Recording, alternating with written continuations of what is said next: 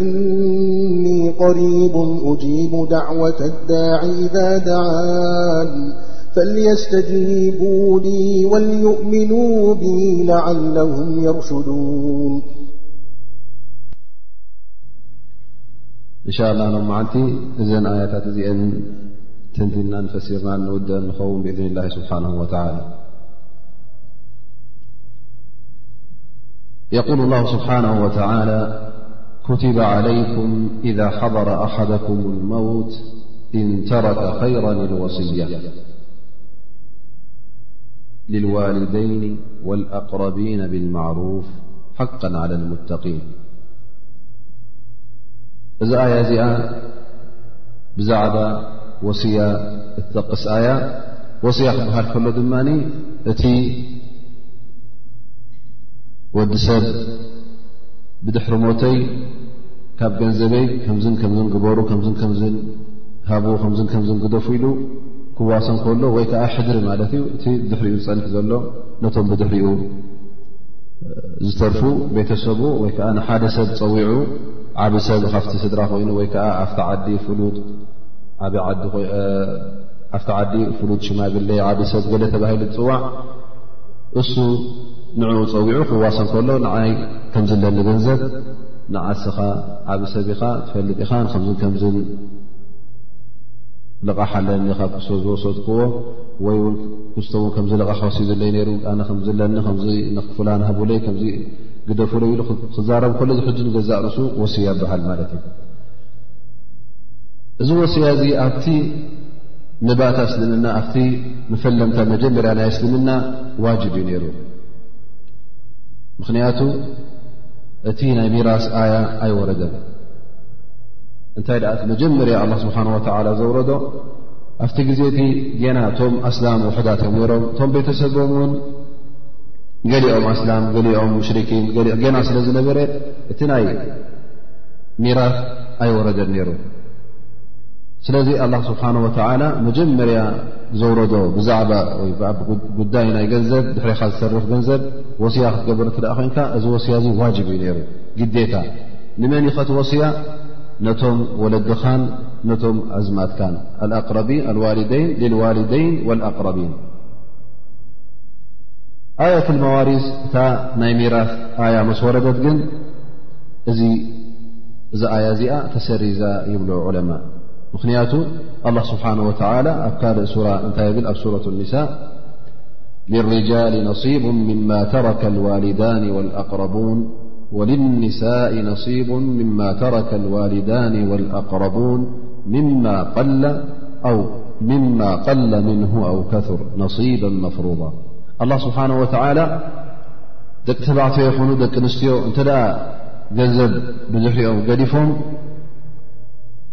ነናቶም ኣዕድሎም ወይ ከዓ ኣዕድሎቶም ኣለዎም ማለት እዩ እቶም ዝተርፉ ካብዞም ምዉታት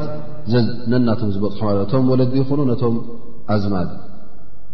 ንወለዲ ይኹን ነቶም ኣዝማድ ነናቶም እእጃሞም ኣላ ስብሓን ወተዓላ ገይርሎም እዩ ነሲበን መፍሩዳ እዚ እጃም እዚ መፍሩድ ዋጅብ ኮይኑ እዩ ማለት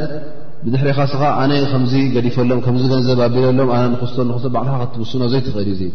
ምስ ሞትካ እስኻ ይኮንካ ትውስን ኣላ ስብሓን ወተላ እሱ እዩ ዝውስን ነቢ ስለ ላ ለ ሰለም እንታይ ይብሉ ኣብ ሓንቲ መዓልቲ ክጥባ እናኸጠቡ ከለዉ እንታይ ኢሎም እና ላሃ ቐድ ኣዕጣ ኩለ ذ ሓቅን ሓቃ ፈላ ወስየተ ሊዋርፍ ኣላ ስብሓን ወተላ ኩሉ ሰብ መሰል ዘለዎ ካብዚ ገንዘብ እዚ መመሰሉ ሂብዎ እዩ መሰልካ ኣላ ስብሓን ወተላ ወሲኑልካ እዩ ወራሲ እንተኮይኑ ማለት እዩ እዙ ፈላ ወስየተ ሊዋር ዝወርስ ዝረኣ ኮይኑ ሓደ ሰብ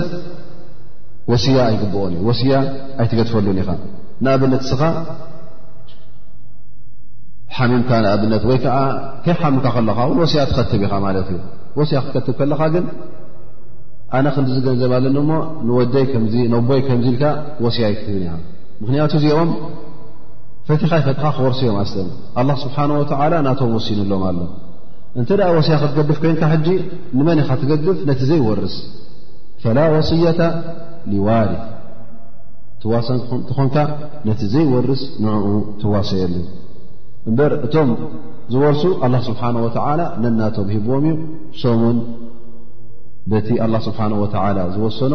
ብኡ ቀጥ ኢሎም ክኸዱ ኣለዎም ክሰሓሓቡ እውን የብሎምን ነናቶም ኣላ ስብሓ እቲ ጉዳይ ናይ ገንዘብ ቀሊል ስለ ዘይኮነ ዘባእስ ስለ ዝኾነ ኣላ ስብሓን ወተዓላ ነዚ ጉዳይ እዚ ባዕሉ ወሲንዎ ማለት እዩ ስለዚ ከምቲ ነቢና ሙሓመድ ለ ላ ለ ወሰለም ዝበልዎ ፈላ ወስየተ ሊዋርስ ወስያ ዝበሃል ንዋርስ የለን ኣላ ስብሓን ወተዓላ ነቶም ዝወርሱ ነናቶም ሂብዎም እዩ መመሰሎም ሓልዩሎም እዩ ስለዚ እዚ ኣያ እዚኣ ይብሉ ኩቲባ ዓለይኩም ኢዛ ሓضረ ኣሓደኩም መውት ኢንተረከ ኸይራ ኢንተረከ ኸይራ ማለት ሲ ማል ገዲፉ እንተ ኮይኑ ዝዋየሰዮ ማል ኣለዎ እተ ኮይኑ ክዋሰ ኣለዎ ዝብል ነይሩ ሕጂ እዚ ኣያ እዚኣ በቲ ኣያት ሚራስ ብኣ ተሰሪ ዘያ ምክንያቱ እቶም ኣብዚኣ ጠቂሶም ዘለዉ ዋሌዴን ዝበሃሉ ዘለዉ ኣላ ስብሓን ወተላ ናቶም ገይሩሎም እዩ ግን እቲ ወስያ ሕጂ ካብ ዋጅብ ናብ ምንታይ ወሪዱ ቅድም ዋጅብ እዩ ነይሩ ኢልናዮ ግዴታ እዩ ነይሩ እቲ መጀመርያ ስምና ምክንያቱ ኣየት መዋሪስ ናይ ሚራስ ኣይወረደን ነይሩ ካብ ኣላ ስብሓን ወተዓላ እቲ ገባብ ናይ ሚራስ ገና ኣላ ስብሓን ወተዓላ ንነቢ ነገሮን እቲ ኣስላማይ እውን ኣይፈለጠን ነይሩ ማለት እዩ ብድሕሪ እዚ ግን ወስያ እንታይ ኮይኑ ሙስተሓብ ፍቱን ኮይኑ ማለት እዩ ፍቱ ክኸውን ከሎ ግን ኣላ ስብሓን ወተላ እውን ንመን ከም ዝኾን እዚ ሚራስ ነቢና ሓመድ ስ ሰለ እውን ኣገባብ ናይዚ ወስያ እውን ሓቢሮምና እዮም ስለዚ ወስያ ክትገድፍ እንተ ኮይንካ ቀዳማይ ነገር ካብ ስሉስ ማለት ካብ ስልሲት ካብ ሓደ ስልሲት ክሓልፍ የብሉን ገንዘብካ ኩሉ ተቆፂሩ እንተ ክረአ ኮይኑ እቲ ትዋሰዮ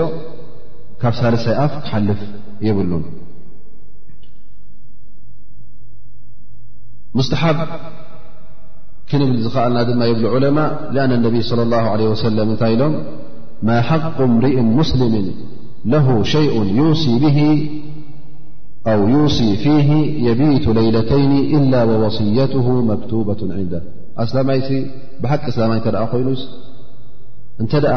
ገለ ነገር ዝዋሰዮ ኣለዎ ኮይኑስ ወሲኡ ከይከተበስ ክሓድር የብሉ ክድቅስ የብሉን ምኽንያቱ እስኻ ምስ ደቀስ ከኣ ምናልባሽ ብኣቢላታ ዓባይ ሞት ትወስደካ ትኸውን እታ ንእሽተይ ሞት ድቃስ ንእሽተይ ሞት እያ ደቂስካ ከለኻ ዳርጋ ሞት ኢኻ ትኸውን ኣላ የተወፋ ኣንፍሳ ሒነ መውትሃ ወለቲ ለም ተሞት ፊ መናምሃ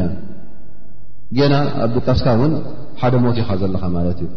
ስለዚ ምና ልባሽ ብኣብልካ ክንደይ ሰብ ኣሎ ደቂሱ ኣሎ ናልካ ደቂሱ ብለይቲ ንግሆ ተረእኻዮ ሞይቱ ዝፀንሓካ ነቢ ስ ሰለም እተ ብሕልፊ እተ ትዋሰዮ ነገር ኣሎ ኮይኑ እተ ደን ወይ ልቓሕ ዝወሰድካዮ እተ ኣሎ ኮይኑ እዚ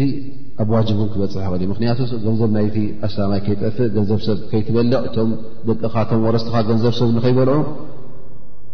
እቲ ዘንብው ንስኻ ትስከሙ ድሕር ከይ ነገርካ ሞትካ እዚ ወስያ እዚ ስለዘይ ተዛረብካዮ ፅባሕ ንግሆ እንተ እዞም ሰባት እዚኦም ኣነ ገንዘብ ኣለኒ እሞ ገንዘበ ይሃውን ኢሉ እቲ በዓል ልቓሕ እንተመፅኡ ሕና ኣይንፈልጠ ኢና ኣቦናይ ነገርናን ወይ ከዓ ሓውናይ ነገርና እተ ተባሂሉ እዚ ጉዳይ እዚ ዝባንካ ኣሎ ማለት እዩ ስኻ ምክንያቱ ስኻ ክትነግር ነይሩካ ግን እቲ ወስያ እንተ ደኣ ኣብዚ ባንካ ገለ ዋጅብ ነገር ዘየሎ ኮይኑ ሙስተሓብ ይኸውን ማለት እዩ ክትዋስዮ እተ ኣሎ ኮይኑ ገንዘብ ንፍላን ሃቡለይ ከምዚ ኣለኒ ከምዚ ንትትበልካ እዚ ሙስተሓብ ይኸውን ማለት እዩ እብኒ ዑመር ረድ ላ ን ይብል እዚ ሓዲስ እዚ ምስ ሰማዕኩ ካብ ነቢና ሙሓመድ ለ ላ ለ ወሰለም ሓንቲ ለይቲ ሓለፈትን ኢላ ወወስየቲ መክቱበት ዕንታ ወስያይ ካብ ሸዓ መዓልቲ ኩሉ ግዜ ፅሕፋ ነረ ይብል እንድሕር ሓድሽ ነገር ኣሎ ኮይኑ የዕርያ ማለት ከዘ ሎ እታ ወስያኡ ኩሉ ግዜ ድሉውትን ፅሕፍትን እያ ነራ ማለት እዩ ፈንሩ ኣስሓብ ነቢ ለ ላ ለ ወሰለም ሓንቲ ሓዲስ ክሰምዑዋ ከለዉ ሓንቲ ለይቲ የሕድርዋ ይነበሩ ቆብ ኣቢሎም ኣብ ግብሪ ኦም ዘውዕልዋ ነይሮም ማለት እዩ ንሕና እውን እተ ብሓቂ እስላም ኮይና እቲ ዲና እውን ቀጥ ኣቢልና ክንሕ ዝተ ዘለና ካብ ኣላ ይኹን ካብ ነቢና ሙሓመድ ለ ላ ለ ወሰለም ትእዛዝ ክመሓላለፍ ከሎ ወማ ኣታኩም ረሱሉ ፈክዙ ወማ ነሃኩም ዓንሁ ፈንተሁ ትእዛዝ ክመሓላለፍ ከሎ እሽኢልካ ሕራ ኢልካ ቀጥታ ነዚ ትእዛዝ እዚ ኣብ ግብሪ ከተውዕሎ እዩ ዘለካ ምክንያቱ ትርጉም ኣስላማይ ዳኣ እንታይ እዩ ኣስላማ እየ ብኣላ ስብሓን ወላ ኣምን እየ ብነቢ ሙሓመድ ለ ላሁ ለ ሰለም ይኣምን እየ እናበልካ እንተ ደኣ ብ ግብሪ ዘይትትርጉሞ ኮንካ ጥራይ ናይ ልቢ እስልምና እኹል እዩ ዝበሃል የለን ምኽንያቱ እስልምና ጥራይ ናይ ልቢ ይኮነን እንታይ ኣ ኣብ ልብኻ ንፁህ ኢማን ኩሉ ዘለካ ክኾን ኣለካ እዚ ኢማን እዚ ድማ ኣብ ግብሪ ክረአ ኣለዎ እቲ ናይ ብሓቂ እምነትካ እውን ኣበይ ዝረአ ኣብቲ ንጥፈታት ትገብሮ ኣብቲ ምንቅስቃሳትካ እዩ ስለዚ ትርጉም ናይ ኣስላማይ ኣበይ ዝረፍቲ ግብሪ ዝረቲ ቀንዲ ነገር ናይ ልብኻ እዎ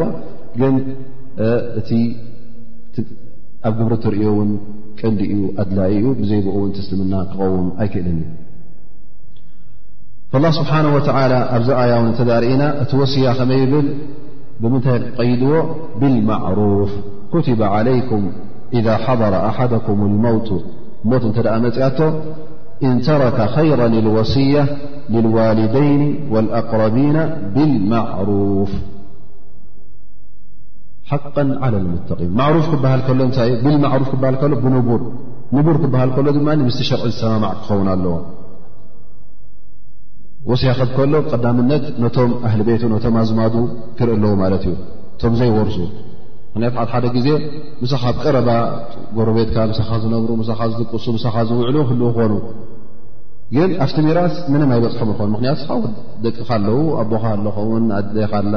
ሰበይትኻ ስለ ዘላ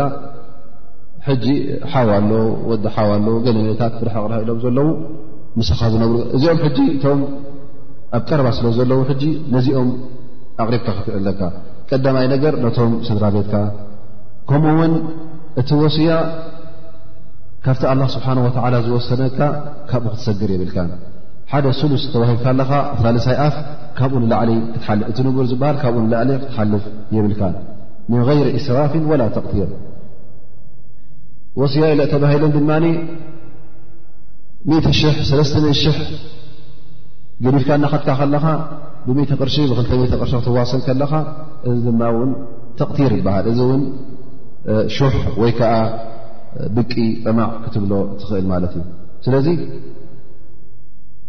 እምብዛ ክበዝሕ የብሉን ካብቲ ኣላ ስብሓን ወተዓላ ዝወሰኖ እምብዛ እውን ክውሕድ የብሉን ምኽንያቱ እቲ ወስያ ትገብሮ እዚ ብዝያዳ ተኣጅር ዘለካ ምኽንያቱ እቲኦምሲ ኣላ ስብሓን ወተዓላ ወሲኑሎም እቲ ገንዘብ ምስ ሞት ክኣሰብ ናትካ ይኮነ ኣላ ስብሓን ወተዓላ ወዚዑ ሕጂ ስኻ ታኺር ክገብራ ብኣ ዘላ ኣፍታ ሳለሳይ ኣፍያ ዘላ ማለት እዩ ኣብዚ ሕጂ እቲ ኼርናካ ክረአ እንተ ደኣ ነቶም ስድራ ቤትካ ንኣህሊ ቤትካ ኮይኑ ወይ እውን ንብድሕሬኻ ሓደ መሳኪን ኮይኑ ወይ ከዓ ሰናይ ነገር ክግበረሉ ኣይታም ክዕንገልሉ ዘኽታማት ክዕንገልሉ ወይ ውን ኣራምል መበለታ መባሉ ክዕንገላሉ እተ ኮይኑ እዚ እውን ፅቡቕ ይኸውን ማለት እዩ ስለዚ ካብ ሳልሳይ ኣፍ ካብ ሓደ ስልሲት ክሓልፍ የብሉን ምክንያቱ እነቢ ስ ሰለም ሓደ ግዜ ሳዕድ ብን ኣቢ ወቃስ ሓደ ካብቶም ሰሓብ ነቢ ለ ላ ለ ሰለም ካብቶም ነቢና ሓመድ ለ ሰለም ጀና ክኣ ከም ምኳኖም ዘበሰሮም ካብቶም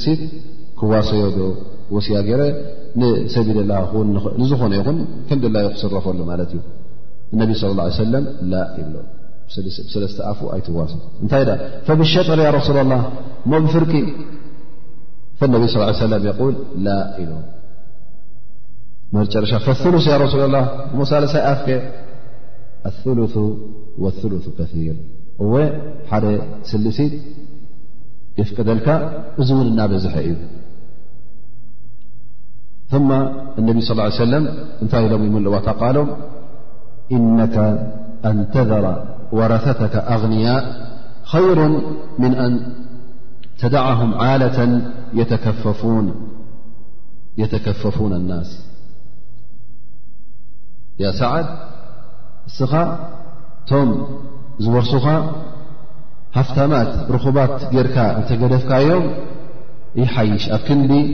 ድኻታት ኮይኖም ፈቐዱ እናኸዱ ዝልምኑ የተከፈፉ ናናስ ማና ብከፍህም ብኢዶም እናለመኑ ማለት ዩ ሃቡና ኣጥሙና ስኢና ኣብ ክንዲ ዝብሉ ሃፍታማ ተገደፍካዮም እዚ ር ኣለዎ ስለምንታይ እቲ መብዝሕቱ ሕጂ ንካልኦት ትቦ ነቶም ወረስትኻ ዘይከውን ብማለት ዩ ነቢና ሓመድ ስ ሰለም እብኒ ዓባስ ረ ላ ን እንታይ ይብል ነይሩ ኣነቢ ለ ላ ለ ወሰለም ኣሉث ወሉث ከሲር ስለ ዝበለና ክሳዕ ስሉስ እውን ክንዋሰ የብልና ካብኡ ንታሕቲ ክኸውን ኣለዎ ኩሉ ግዜ ወስያናት ካብ ሳለሳይ ኣፍ ዝተሓተ ክኸውን ኣለዎ ኣ ነቢ ስ ሰለ እዎ ኣፍቂዱልና ግን ዝበለፀ ካብኡ ክትሕት ኣለዎ ከር ብዙሕ እዩ ስለ ዝበለና ነቢ ስ ሰለም ካብኡ ንታሕቲ ካብ ስሉስ ንታሕቲ እንተኾነ ይበልፅ ይብሉ ማለት እዩ እብን ዓባስ እዚ ዓይነት ርእቶ ነርዎም ማለት እዩ ካብዚ ሓዲ ወይከዓ ናብዚ ሓዲ እዚ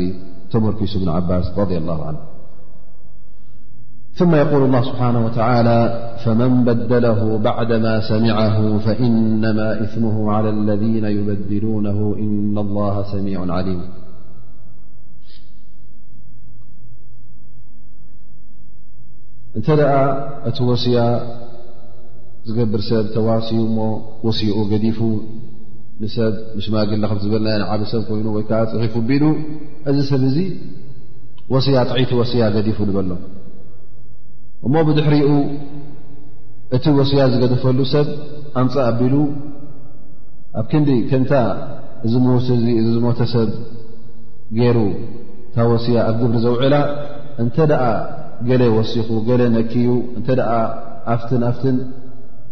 ዘይበሎ እተ ኣእትዩላ እዚ ሰብ እዚ እንታይ ይኸውን ማለት እዩ ትዘንቢ እሱኡ ትስከሞ እስኻ ኣንታ ዝሞትካ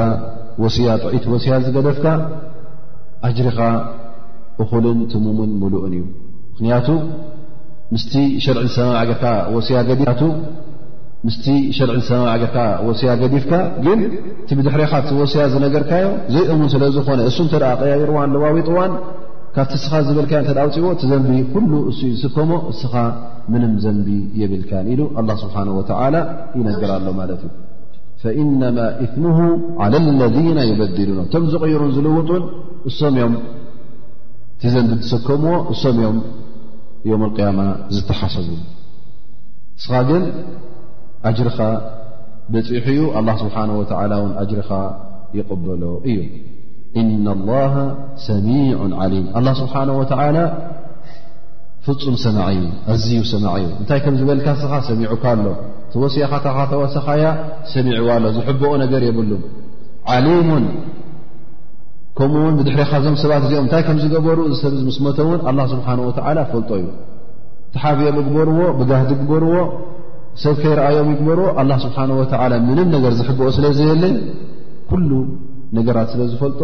እዛ ወስያ እዚኣ ተለዊጣ ዶ ኣይተለወጠትን ከምቲ ዋናኣ ዝገደፋ ድያ ወይስ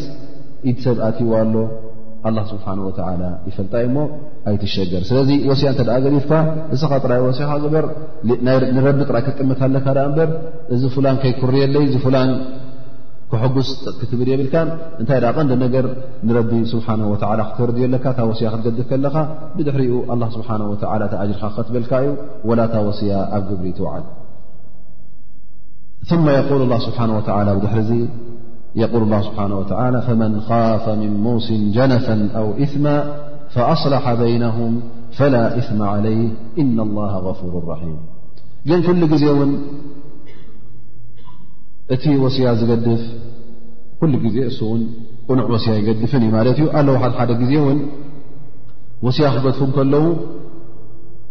ካብ ሸርዒ ዝወፁ ኣለዉ ማለት ኣብ ክንዲ በቲ ሸርዒ ዝበሎም ክሳእታ ሓደ ስልሲ ተዋሂቦም ከሎ በታ ሳልሳይ ኣፍ ጥራይ ዝዋሰዩ ምናልባሽ ምስቶም ወረስቲ ምስ ውላዱ ምስ ሰብኡ ባእሲ ነይርዎ ኸውን እሞ ንዕኦም ንኸየሐጉስ ዝኽብል ነቲ ገንዘብ ንፍላን ንፍላን ኢሉ ከም ድላዩ ክዋሰ ጀምር ማለት እዩ እዚ ሰብ እዚ ሕጂ ካብ ሸርዒ ዝወፅ ወሲያ ገብር ኣሎ ማለት እዩ ስለዚ ኣላ ስብሓን ወላ ፈመን ካፈ ምን ሙሲን ጀነፈን ማለት ጀነፈን ኣልጀነፍ ወልከጣእ እንተ ደኣ እቲ ወስያ ዝገድፍ ዘሎ ሰብ እንተ ጌጋ ዝገብር ኮይኑ ወይ ከዓ ጌጋ እተ ገይሩ ኮይኑ እዚ ጌጋ እዚ እውን ወይ ፈሊጡ ይግበሮ ወይ ከዓ ጌጋ ብጌጋ ከይፈለጠ ማለት እዩ ወይ ከዓ ምናልባሽ ዓጢፋ ወይ ከዓ ነቶም ዝፈትዎም ሰባት ነይሮም ንዕኦም ንክሐጉስ ብከምኡ ተደፊኡ ይግበሮ ዝኾነ ይኹን ጌጋ ተረኺቡ ንበል ንኣብነት ንጓሉ ይፈቱ ነይሩ ንበል ኣው ኣለዎ ወዳት ኣለዎ ዋልድ ሕጂ ተረኣየት ኣጓሉ ሒደት ክመፃ ኢሉ እሞ እንታይ ደኣ ክገብር ጓል ሕጂ ሒደት ክመፃ እዩ ስለዚ ኣነ እንታይ ክገብር ንዓ መታን ዝያዳ ክወስኸላ ይብል እንታይ ይገብር ወሲኣ ክገድፍ እየ ንመን ንወዳ ከምዚ ወዳ ይወርስን እዩ ወዲ ጓሉ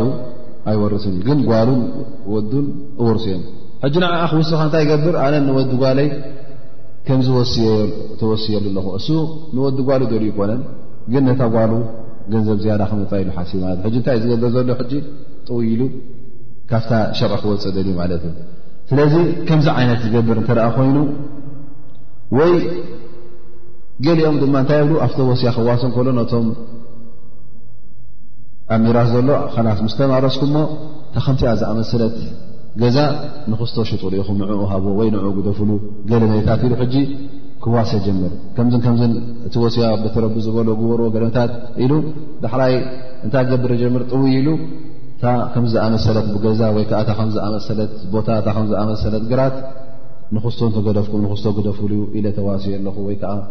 ካብቶም ወረስበ ግን ኣብቲ ሚራስ ን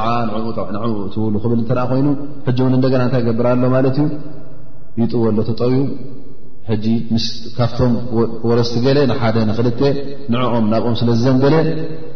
ንኦም ብዝያዳ ምቕራብን ብዝያዳ ምሕብሓብን ይረአ ኣሎ ማለት እዩ ስለዚ እዚ ሕጂ ጌጋ ስለ ዝኾነ ወላ ፈሊጡ ግበሮ ከምዝኣመሰለ ጌጋ ወላ እውን ከይፈለጠ ይግበሮ ወላ ውን ካብ ብፍቕርን ብሸፈቓን ተደፊኡ ይግበሮ ከምዚ ነገር እተ ተረኪቡኸ እዚ ጌጋ እተ ተረኪቡኸ እቲ ወስያ ዝቕበል ዘሎ ሰብ ነዚ ጉዳይ እዚ ከቕንዖ እዩ ዘለዎ ፈመን ካፈ ምን ሙስን ጀነፈ ኣይ ጣኣ ኣው እስመ ኣስላሓ በይነም እንተ መፅ እተ ዓርዎ ፈላ እም ዓለይ ኣብታ ቀዳመይቲ ኣያ እንታይ ርኢና ነታ ዕሪቲ እንተ ኣበላሽዩ ዘንብሎ ግን ነቲ ዝተበላሸወ እተ ዕርዩ ከምቲ ኣላ ስብሓን ወላ ዝበሎን ከምቲ ሸርዒ ዝበሎን ከምቲ ረቢ ዝፈትዎም ገይሩ ከምቲ ነቶም ቤተሰቡ ዘየባእስን ንቤተሰቡ እቶም ብድሕሪ ዝምውት ተሪፎም ዘለዉ ዘተዓርቕን ብሰናይ ዘናብርን ገይሩ እንተ መዕራርዎ እዚ ሰብ እዙ ዘንቢ የብሉን ወስያ ተካሊፍካ ወስያ ዝበለካ ወስያ ተገደፈ ንኡ ግብሪ የውዓልካ ናይ ይበሃልን እዩ እንተ ብዝያዳ እዚ ኣ ኣተዓራሪ እዩ ዝበሃል ኣ መዓራር እዩ ፈላ እትማ ዓለይ እዚ ሰብ እዚ ዘንቢ የብሉን እና ላሃ غፉሩ ራሒም ኣላ ስብሓን ወተላ ኣዝዩ መሓሪ ኣዝዩ ራህራ እዩ ብዝያዳ ካባኹም ኣንቱም ሰባት ነቶም ድሕሪኹም ገዲፍኩሞ ዘለኹም ኣላ ስብሓን ወላ ብዝያዳ እሱ ይርሃ ኣሎም እሱ ዩ እውን ዝረዝቆምን ሽሻይ ዝቦምን ፀጋ ዝቦምን እስኻ ኣይኮንካ ንስኻ ዝገደፍካ ኣሎም ኣይኮንካ ፍላን ፍላን ከይጠሚ ፍላን ፍላን ከይስእኒ ኢልካ ወስያታት ከተባዝሕ ወይ ከዓ ክትስንብድ የብልካን ከምቲ ኣላ ስብሓን ወተዓላ ዝወዝዖ ከምቲ ኣላ ስብሓን ወተዓላ ገይሩ ነናቱ ዝሃበ ከምኡ እንተገደፍካዮ እሱ እዩ እቲ ዝበለፀ ፈላ ስብሓን ወተዓላ እንተ ደኣ ተጋጊኻ ውን ቶባ ዝበለ መቕፊራ ዝሓተትካ እውን ኣላ ስብሓን ወተዓላ غፉር እዩ ከምኡ ውን ራሒም እዩ ስለዚ ኩሉ ግዜ እንተ ደኣ ናይ ገንዘብ ኮይኑ ጉዳይ ናይ ሚራስ እተደኣ ኮይኑ ኣብ ኣክር ዕምርኻ እትገብሮ ኣብ ኣክር ዕድሜኻ ስለ ዝኾነ መብዝሕቲ ትወስያ ሰብ ክገብር ከሎ ኣብቲ ግዜ ሕማም ሞት ሽዑኡ ስለ ዝዝክሮ ሽዑ ክገብር ከሎ ኣብዚ ግዜ እዚ ክጥንቀቕ ኣለዎ ክጋገ የብሉን ምክንያቱ እተ ተጋግኡ እተ በቲ ረቢ ዘይፈትዎ ገይሩ ተዋሲኡ እንታይ እዩ ዝገብር ዘሎ ተኻቲሙ ይኽፍእ ኣሎ ማለት እዩ ኩላና ድማ ካቲማና ክፅብቕ ኣላ ስብሓን ወተላ ካቲማና نخير جبرلنا ن نمن لذلك النبي صلى الله عليه وسلم يبل إن الرجل ليعمل بعمل أهل الخير سبي سنة فإذا أوصى حاف في وصيته فيختم له بشر عمله حد سبأي نأبنت سبع عمت زأكد سر ما شاء الله بعل خير بق جبر سبع عمت يحلف ኣብ መጨረሻ ዕድሚ ክበፅሕ ከሎ ወስያ ክገድፍ ከሎ ኣብቲ ወስያ ናቱ ሕጂ መገዲ ጋገ ሓፋ ኣይ ለም ሰብ ውፅዕ ነቶም ወረስቱ ዝያዳ ንኦም ንኸይህብ ንኽብል ንካልእ ንክህብ ወይ ከዓ ነቲ ሓደ ገዲፉ ነቲ ሓደ ንክህብ ናብቲ ሓደ ዘንቢሉ ነቲ ሓደ ክፈቱ ስለ ዝነበረ ኢዱ እተ እትው ኣቢሉላ ሕጂ እንታይ ይኸውን ኣሎ ማለት እዩ ፈዩኽትሙ ለ ብሸር ዓመል ኣራ እታ ተግባሩ እንታይ ትኸውን ኣብ ክንዲ ብሰናይ ዝውድኣ እዛ ዕድሚኡ ሰብ ዓመት ፅቡቕ እናኸዶ ከሎ ኣብታ ካቲምኡ የበላሽዋ ማለት እዩ ብሰንኪ እዚኣ ድማ ሓዊ ጀሃንም ይኣቱ ገሊኦም ድማ ኣብ ሰብ ዓመት ትሪዮ ሕማቕ ክገብር ዝፀንሕ ኣብታ ኣኽር ዕምሩ ክበፅሕ ከሎ ኣብ ኩሉ ተማዕራርዩ ኣብታ ወስያ እውን ሰናይ ክዋሰ ትሪዮ እዚ ድማ ኣላ ስብሓን ወላ ስለ ዝወፈቆ እታ ዕምሩ ብር ትድምደም ብር ሰደምደመ ድማ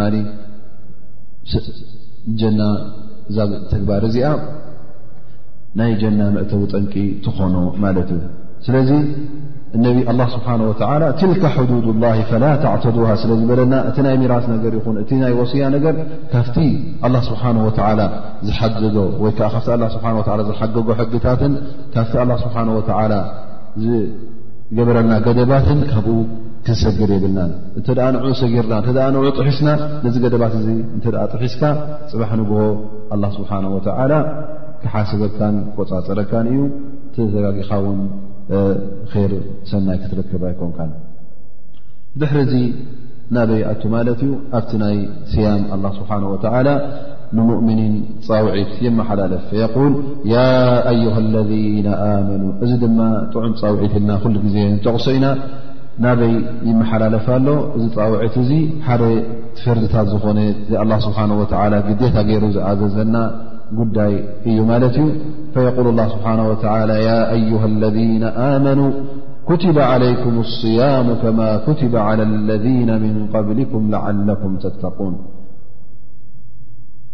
ኣንቱም ሙእምኒን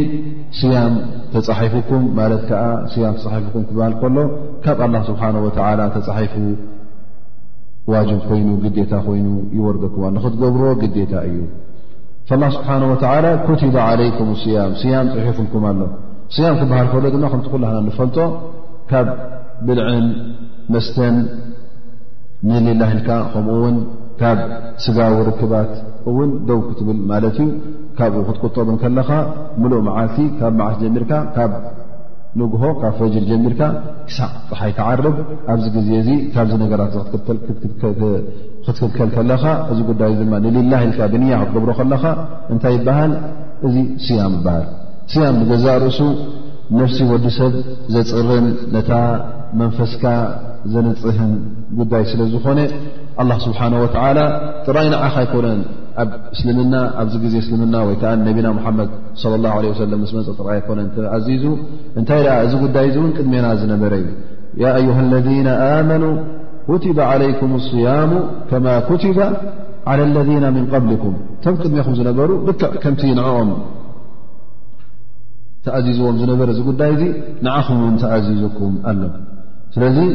ሓድሽ ነገር ኣይኮነን ቅድሚኹም ዝነበረ እዩ ክትፈርህ ውን የብልካ ክንጠሚ ኢና ክነብላ ቅድሚኻ ሰባት ይጠሙ ነይሮም እዮም ስለዚ እስኻ እንታይ ክትገብር ዘለካ ካብቶም ቀዳሞት ዝበለፅኩ ክኸውን ኣለኒ ኢልካ ክትቀዳደም ኣለካ እዚ ጉዳይ እዚ ሰብ ዝገብሮ ዝነበረ ካብ ኮነ ሓድሽ ነገር ካብ ዘይከውን ሲ እንታይ ደኣ ክንቀዳደም ኣለና ኢልካ ክትቀዳደም ኣለካ ወፊ ሊከ ፈልየተናፈሲ ሙተናፊሱን ذ ኣ ስብሓ የዘኻክረካ ኣሎ ማለት ዩ ኣለዉ ቅድሚኻ ውን ዝፀሙ ላ ኢሎም ዝፀሙ ኣለዉ እሞ ስኻስ ካብኦም ዶ ትሓምቕ ኢኻ ወይስ ካብኦም ትሓይሽ ذ ስብሓ ኣያ እተርእና እንታይ ብል ኩል ጀዓልና ምንኩም ሽርዓة ወምንሃጃ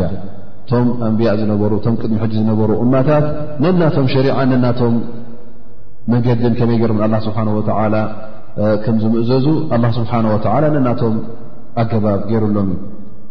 ولو شاء الله لجعلكم أمة واحدة الله سبحانه وتعالى كلم حنت عينة دين ن ين بحد نبي كلم كم تقضو قبركم نير ن الله سبحانه وتعالى دليت ين بزيادة ونخفتنكم ننتكم أم ير ننتكم أنبي سريدلكم ولو شاء الله لجعلكم أمة واحدة ولكن ليبلوكم فيما آتاكم እቲ ተዋሂብኩምዎ ዘለኹም ትእዛዛት ኩሉ ንምንታይ እዩ መፅኡ ልልእብትላእ እኽትባር ንፈተነ ክፍትነኩም መገዲ ሓቂ ዶ ትሒዝኩም ትኸዱ መገዲ ትጋገዩ ወላኪን ልየብልወኩም ፊማ ኣታኩም ፈስተቢቁ ኸይራት ስተቢቁ ማለት እንታይ ማለት እዩ ተወዳደሩ ተቐዳደሙ ነቲ ኸይራት ኩሉ ግዜ ተቐዳደሙሉ ድሕር ኣይትበሉ እቲ ሙናፈሳ እቲ ምቅድድም ክኸውን ዘለዎ ኣብ ምንታይ እዩ ኣብቲ ሰናይ ተግባር ክትገብር ከለኻ ኣብኡ ክትቀዳደም ኣለካ ፍላን ዶ ካብዚ ካባይ ክሕሽኦም እመት ፍላን ዶ ካባይ ክትሓይሽ ያ በዓል ክሰዶ ካባይ ክሕሽኦም ኢልካ ኣብዚ ነገር እዚ ክትቀዳደም ከለኻ ኣነ ብዝያዳ ንኣላ ስብሓን ወተዓላ ክሐጉስ ኣነ ብዝያዳ ንኣላ ስብሓን ወተዓላ ክምእዘዝ ነቢና ሙሓመድ ስ ሰለም ክምእዘዝ ኢልካ ክትቀዳደም እዩ ዘለካ ስለዚ እዚ ጉዳይ እዚ እውን ንኹልኹም ተፃሒፉኩም ስለምንታይ ከ ተፃሒፉኩም ላዓለኩም ተተቁን ንኣላ ስብሓን ወተዓላ ተቕዋ ክትገብሩ ንነብስኹም ከተንፅሁ ነብስኹም ካብቲ መገዲ ሸይጣን ክትርሕቕ ተቕዋ ክኾና ካብቲ መገዲ እከይ ክኣልያ ኣብ መንጎኹምን ኣብ መንጎ ሓዊ ጃሃንምን ድማ ሰናይ ተግባር ምግባር ትእዛዝ ኣላ ስብሓን ወላ ብምእዛዝ ኣብ መንጎኹምን ኣብ መንጎ ሓዊ ጃሃንምን መከላኸሊ ክትገብሩ ተተቁና ብሃ ዓዛብ ኣላ ስብሓን ወላ ንኣላ ስብሓን ወላ ከም ትፈርሁ ብስያም ይረአ ማለት እዩ ምክንያቱ እነቢ ስለ ላ ሰለም ንገዛእ ርእሶም ስያም ንገዛእ ርእሱ ካብ ብዙሕ ጌጋታት ከም ዘድሐነካ ጠቒሶም እዮም ሓደ ካብኡ ነቶም መንእሰይ እንታይ ይብልዎም ያ ማዕሸር ሸባብ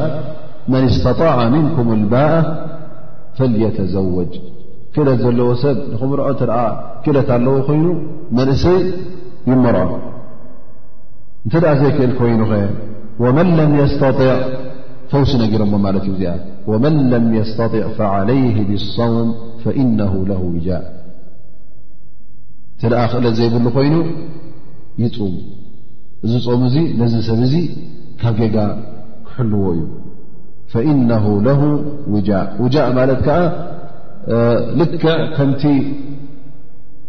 ምክት ወይ ከዓ ከምዝተቐጥቀጠ ከምኡ ኸውን ማለት እዩ ናብ ኣንስቲ ናብ ናይ ስጋዊ ርክብ ኣይሓስብን እዩ ምክንያቱ ስያም ዝግ ከብሎ እዩ ኩሉ ግዜ እቲ ስያም ናብ ኣላ ስብሓን ወላ ክስሕቦ ዩ ተቕዋውን ክቦ እዩ ፍርሃት ረቢ ክቦ ስለ ዝኾነ ይፁም ኢሎም ነቢና ሙሓመድ ለ ላ ለ ወሰለም ትእዛዝ ኣመሓላሊፎም ማለት እዩ እዚ ሕጂ ፈውሲ ማለት እዩ ስያም ንገዛእ ርእሱ ልብኻ የንፅሃልካ ናብ ኣላ ስብሓን ወላ ስለ ዘቕርበካ እዩ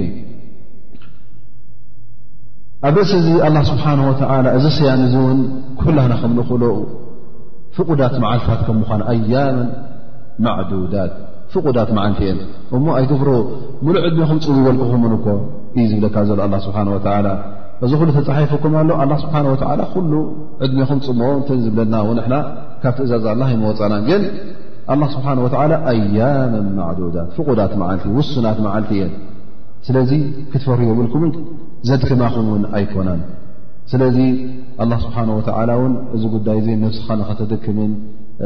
ንዓኻ ንኽጎድእን ኣይኮነን ገይርዎ እንታይ ደኣ ተቕዋ ንኽበካ ስለ ዝኾነ ተንስያም እውን ተንፆም እውን ንውሱናት መዓልቲ ኮይነን ኣብ ርእሲ እዚ እውን እንተ ደኣ ሕሙም ኣሎ ኮይኑ እንተ ደኣ ብ መገሻ ኣለኻ ኮይንካ እንተ እቲ ፆሙን ዝኸብደካ እተ ኮይኑ ኣብቲ ዘይከብደካ እዋናት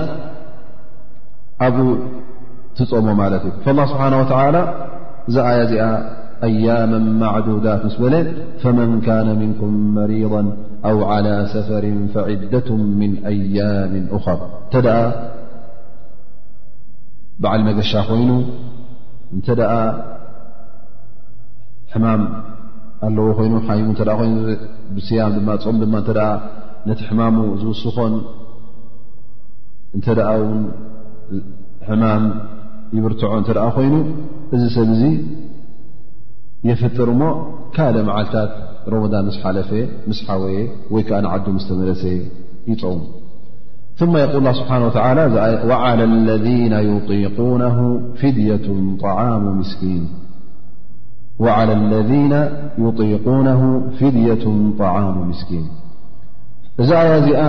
ክልተ ዓይነት ትርጉም ሂቦማ ማለት እዩ ዑለማ እቲ ሓደ ትርጉም ይብሉ እዛ ኣያ እዚኣ ንገዛእ ርእሳ በታ ትመፅእ ዘላ ኣያ ሻር ረመን ኣላሃና ኣያ ትመፅ ዘላ ሕጂ ሻር ረመን ለዚ እንዝላ ፊ ቁርን ክንትንትና ኢና ማለት እዩ በዛ ኣያ እዚኣ ተሰሪዛ እያ እዛ ሕጂ ዓላ ለذ ይጢቁነ ፊድየቱን ጣዓሙ ምስኪን ትብል እዛ ኣያ እዚኣ ተሰሪዛ እያ ይብሉ ከመይ እሞ ይብሉ ቅድም ስያም ክእዘዝ እንከሎ ኣላ ስብሓን ወተዓላ ስያም ክእዝዝ እንከሎ እቲ ስያም ግዴታ ኣይነበረን ስያም ግዴታ ኣይነበረን ፅሙ ተባሂሎም ግን ዋጅብ ኣይነበረን ናይ ግድን ኩላኩልኹም ፅሙዎ ዝብል ኣይነበረን እንታይ ደኣ ተደለኻ ትፀውም እንተደለኻ ተፍጥር ግን እናክኣልካ ከለኻ ክእለት ከለካ ኮይኖ እናፍጠርካ እናክኣልካ ከለካ ብክእለትካ ከለካ እተ ኣፍጢርካ እንታይ ትገብር ምስኪን ትህብ ነርካ ማለት እዩ ክእለት ከለካ እዚ መጀመርያ ማለት እዩ እስልምና መጀመርያ ፆም ዝተኣዘዘ ኩሉ ግዜ እተ ኢና እውን እስልምና ነቲ ሰብ ንከለማምድ እቲ ኩሉ ሸርዒ ብሓንሳ ዱብ ኢሉ ኣብ ርእሲ ይወረደን እነቢ ስ ሰለም 2ሰለስተ ዓመት ሸርዒ ክወርድ እንከሎ ኣብ 2ሰለስተ ዓመት ይወሪዱ ምክንያቱ እቲ ሰብ ጌና ኣብ ሽርክ ኣብ ጥፍኣት ስለ ዝነበረ ኣላ ስብሓን ወተላ ክእለት ነሮታ ክታብ ቁርን ብሓንቲ መዓልቲ ናብ ነቢና መሓመድ መውረዳ ኩሉ እቲ ትእዛዛት ብሓንቲ መዓልቲ ግብሮ ምበሎም ነሩ ግን ኣላ ስብሓን ወተላ ባህርያት ናይ ወዲ ሰብ ስለ ዝፈልጥ ወዲ ሰብ ድማ ብሓንቲ መዓልቲ ክቕየር ከም ዘይኽእል ስለ ዝፈልጥ ናቱ ባህርያት ስለ ዝኾነ ምስቲ ባህርያቱ ከይቀስ ብቐስ ኣላ ስብሓን ወተላ ድማ ጥራይ ንዓኻ ከጥፍኣካ ኣይኮነን ዝል ዘሎ እንታይ ኣ መገዲ ሓቂ ሒዝካ ክትከይድ ንጀና ንክትኣቱ ዓብ ርህራሀ ስለ ዘለዎ ኣላ ስብሓን ወተዓላ እውን በቲ ራሕምኡ ነዚ ቁርን እዚ በብቁሩብ የውርዶ ነይሩ ማለት እዩ ከከም ኣድላይነቱን ከከም ኣገዳስነቱን መጀመርያ ነገር ብዛዕባ ናይ ተውሒድ ብዛዕባ ናይ ዓቂዳ ነቲ ሽርክ ዘሎ ንዕኡ ነፅእካ ላኢላ ኢላላ ክትብል ብነቢ ሙሓመድ ለ ለ ወሰለም ክትኣምን ቲ ቐንድታት ናይ እስልምናን ቀንድታት ናይ ኢማንን ናብኡ ኣተኪሩ ማለት እዩ ቀስ ብቀስ ቀስ ብቀስ ናበይ ተመሓላሊፉ ኣብቲ ናይ ሰላት ኣብቲ ናይ ዘካት ኣብቲ ናይ ሓራም ዝኾነ ናይ መስተ ናይ ዝምውና ተኸልከሎ እዚ ኩሉ ቀስ ብቀስ ተመሓላሊፉ ማለት እዩ ከምኡ ውን ልክዕ ስያም ንገዛ ርእሱ ኣብቲ ግዜ እቲ ኣብ ጃህልያ ዝነበሩ ሙሽርኪን ዓረብ ስለ ዘይፈልጥዎ ብሓንቲ መዓልቲ ዱብ ኢሉ ተወለደ ሕራይ ሎም ተቐብሎ ነሮም ቶም ኣስላም እውን ይቕበልዎ እዮም ግን ኣላ ስብሓን ወተዓላ ንኸላምዶም ግዜ ሂብዎም ማለት እዩ መጀመርያ ስያም ምስ ተኣዘዙ እንታይ እዩ ነይሩ ተደሊኻ ትፀውም ተዘይ ደሊኻ እናክኣልካ ከላኻ ውን ክተፍጥር ትኽእል ግን ንሓደ መስኪን ተዐንግል ማለት እዩ እዚ ዩ እቲ መጀመርያ ነይሩ ማለት እዩ እዛ ኣያ እዚኣ ንዕኡ እያ ትጥቅስ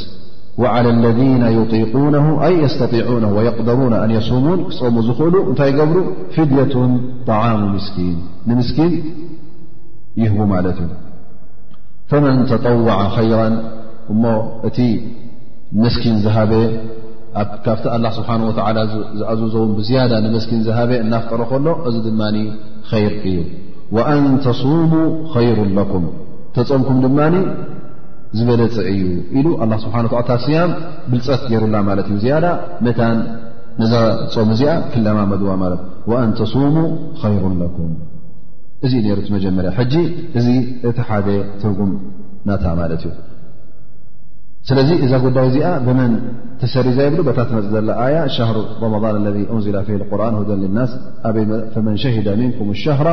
ፈልየሱምሁ ትብል ትእዛዝ ፈልየሱሙ ፈመን ሸሂደ ምንኩም ሻራ ፈልየሱሙ ትብል ትእዛዝ ስ መፀት ሸዓኣ በዚኣ በዛ ኣያ እዚኣ እታ ቀዳመይቲ ኣያ ተሰሪዛ ይብሉ ዑለማ ማለት እዩ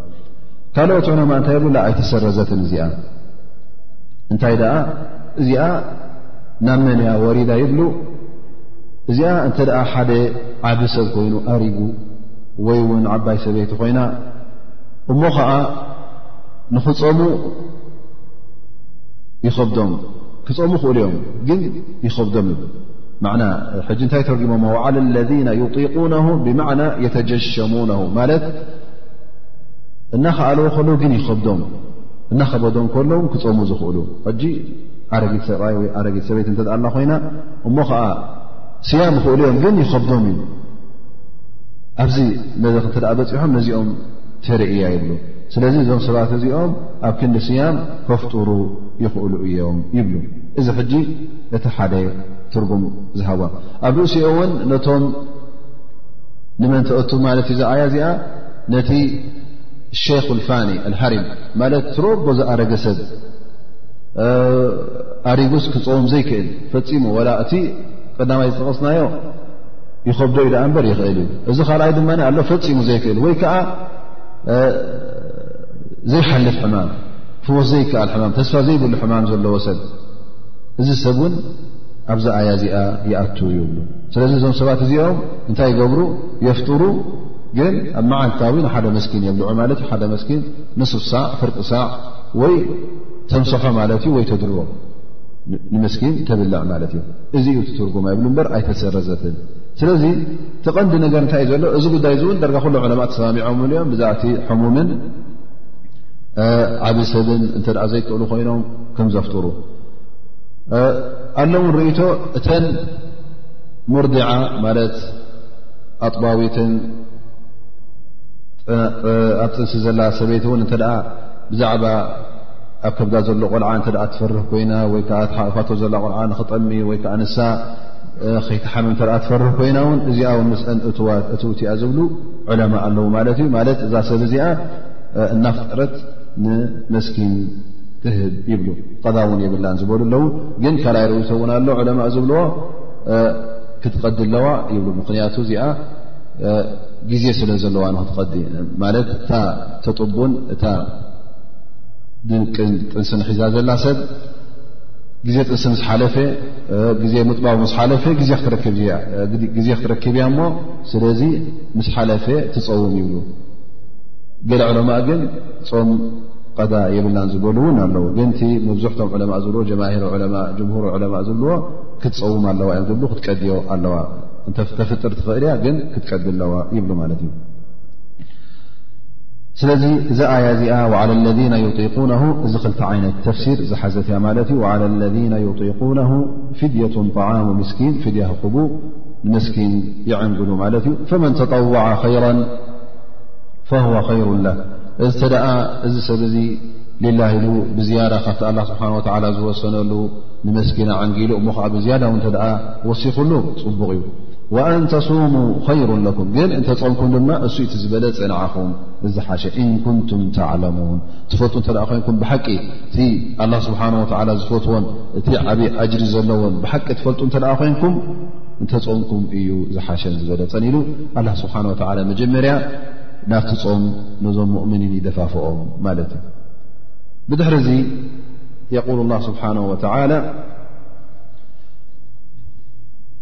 شهر رمضان الذي أنزل فيه القرآن هدى للناس وبينات من الهدى والفرقان فمن شهد منكم الشهر فليصم ومن كان مريضا أو على سفر فعدة من أيام أخر يريد الله بكم اليسر ولا يريد بكم العسر ولتكملوا العدة ولتكبروا الله على ما هداكم ولعلكم تشكرون ኣብዚ ኣያ እዚኣ ኣላ ስብሓን ወተላ ንሻሃር ሮመዳን ንገዛእ ርእሱ ፅቡቕ ዝክሪ ፅቡቕ ጥቕሲ ይጠቕሶ ማለት እዩ ነዚ ወርሒ እዚ ንገዛእ ርእሱ ይምጉሶን ይውድሶን ማለት እዩ ምኽንያቱ እዚ ወርሒ እዚ ካብቲ ዝበለ ፀዋርሕ ብምዃኑ ኣብዚ ወርሒ እዚ ድማ ኣላ ስብሓን ወተላ ክታብ ቁርን ዘውረደሉ ስለ ዝኾነ ሻር ሮመን ኣለ እንዝለ ፊ ቁርን እዚ ወርሒ እዚ እቲ ቁርን ዝወረዶ እቲ ቃል ኣላ ስብሓን ወተላ ዝወረዶ ወርሒ ኢሉ ይምጉሶ ኣሎ ማለት እዩ ሁደን ልናስ እዚ ቁርን እዚ ድማ እንታይ ነይሩ ሁደን ልናስ ሁደን ልናስ እቲ ቁርን ማለት እዩ ሁደን ልናስ ንደቂ ሰብ ሓበሬታን መምርሕን ኣብ ክንዲ ዝጋገዩ ኣብ ክንዲ ፀንዮማን ፀጋም ዝብሉ መገዲ ዝጠፍኦም እዚ ቁርን እዚ ናበይ ሕብሮም ናበይ ይመርሖም ናብቲ መገዲ ሓቂ ሁደን ልናሲ ወበይናት ምን ኣልሁዳ ኣብ ርእሲኡ እውን እዚ ቁርን እዚ እንታይ ሒዙ መፅኡ በይናት መርትዖታት ደሊል ምኽንያቱ እንተ ደኣ ሓደ ሰብ ንኣላ ስብሓን ወላ ክግዛእ ኮይኑ መገዲ ሓቂ እተ ክፈልጥ ኮይኑ ካበይ ዝወስዶ መጀመርያ ነገር ኣላ ስብሓን ወላ ክርእዮ ኣሎ ወይ ከዓ እቲ ካብ ኣላ ስብሓን ወላ ዝመፀ ልኡኽ እሱ ከርእካ ኣለዎ ድኣ እምበር ባዕልኻ መገዲ ሓቂ ብእምሮኻ ክትፈልጦ ኣይትኽእልን ኢኻ ኣላ ስብሓን ወላ እታ መገዲ ሓቂ ወበይናትን ምን ልሁዳ ደላኢል ወሑጀጅ ኩሉ ዘድልየካ ነገር መገዲ ሓቂ ክሕብረካ ዝኽእል ኣብዚ ክታብ እዚ ኣሎ ሓዲ እማም ኣሕመድ ዘመሓላለፎ ክታቦ እውን ኣሎ ቁርን ጥራይ ኣይኮነን ኣብ ሮሞዳን ወሪዱ እንታይ ደኣ እቲ ቅድሚ ቁርን ዝነበረ ክታብቲ እውን ኣብ ሮሞዳን ከም ዝወረደ ዝሕብር ሓዲስ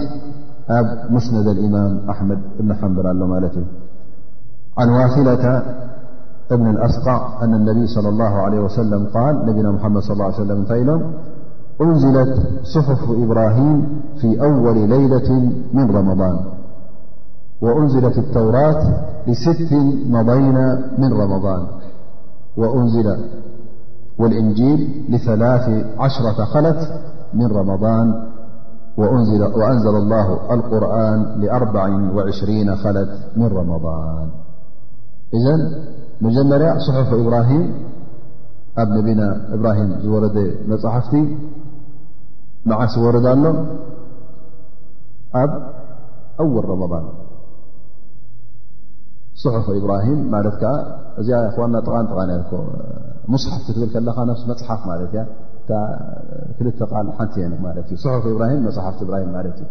ፅሑፍ እብራሂም ካብ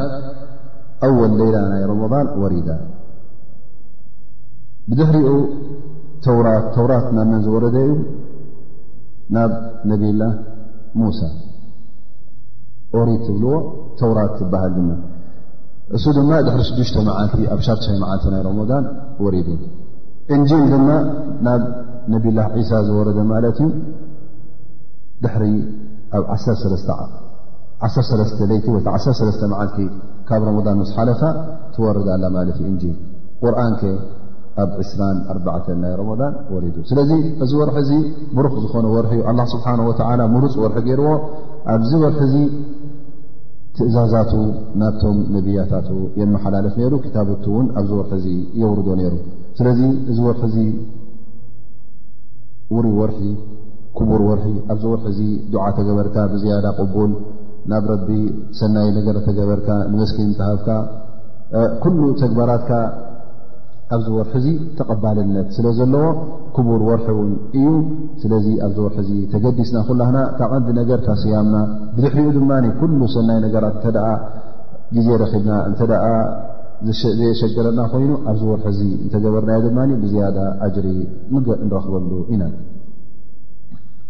ላ ስብሓን ወተላ ኣብዚ ኣያ ድማ እንታይ ብል ፈመን ሸሂደ ምንኩም ሻህራ ፈልየሱም እታ ዝበልና ኣያ እዚ ኣያ ማለት እዩ ፈመን ሸሂዳ ምንኩም ሻሃር ማለት ሸሂዳ ማለት ዓዲ እንከሎ ኣብ መገሻ ዘይኮነ ማለት እዩ እሞ ወርሒ ሮሞዳን ክትወፅእ ዝረኣያ እዚ ሰብ እዚ ንኽፀውም ግዴታ እዩ ፈመን ሸሂደ ምንኩም ሻህራ ፈልየሱም ትእዛዝ ማለት እዩ ሕጂ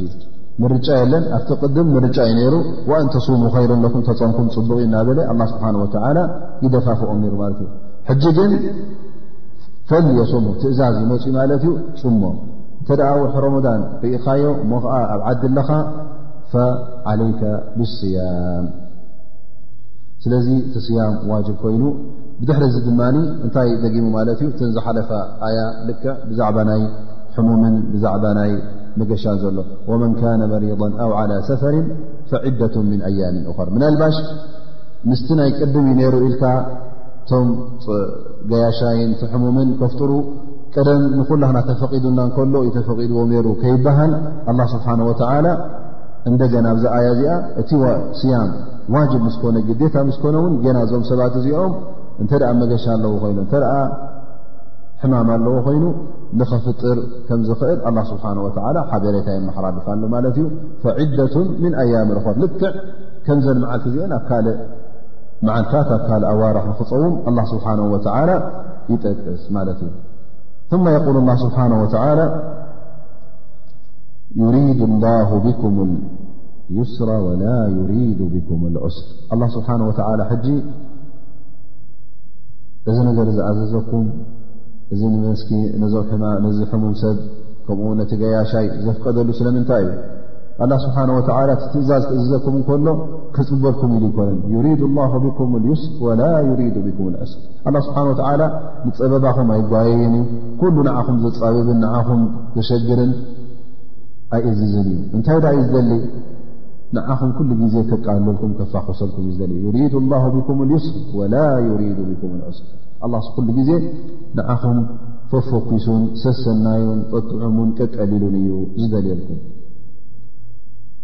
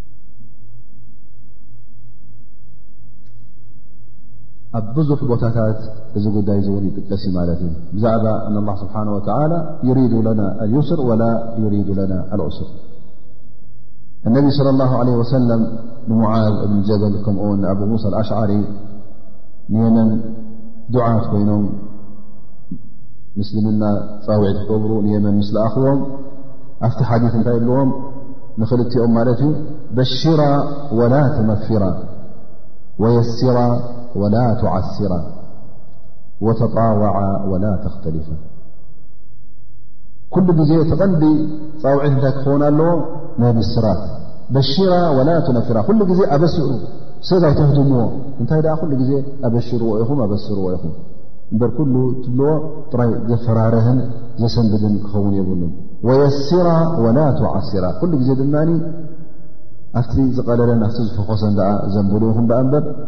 ኣብቲ ዘፃብብን ኣብቲ ዝድይቕን ኣብኡ ኣይተተኩሩ ወነቢ ስ ላ ሰለም እውን ንኹላህና ትእዛዝ ኣመሓላሊፎም እዮም የሲሩ ወላ ትዓሲሩ ወሰኪኑ ወላ ትነፊሩ ኢሎም እዮም ኣብቲ ሓዲ ኣነስ ብን ማሊክ ዘመሓላለፎ ኣብ ሙስነድ ልእማም ኣሕመድ ዘሎ ማለት እዩ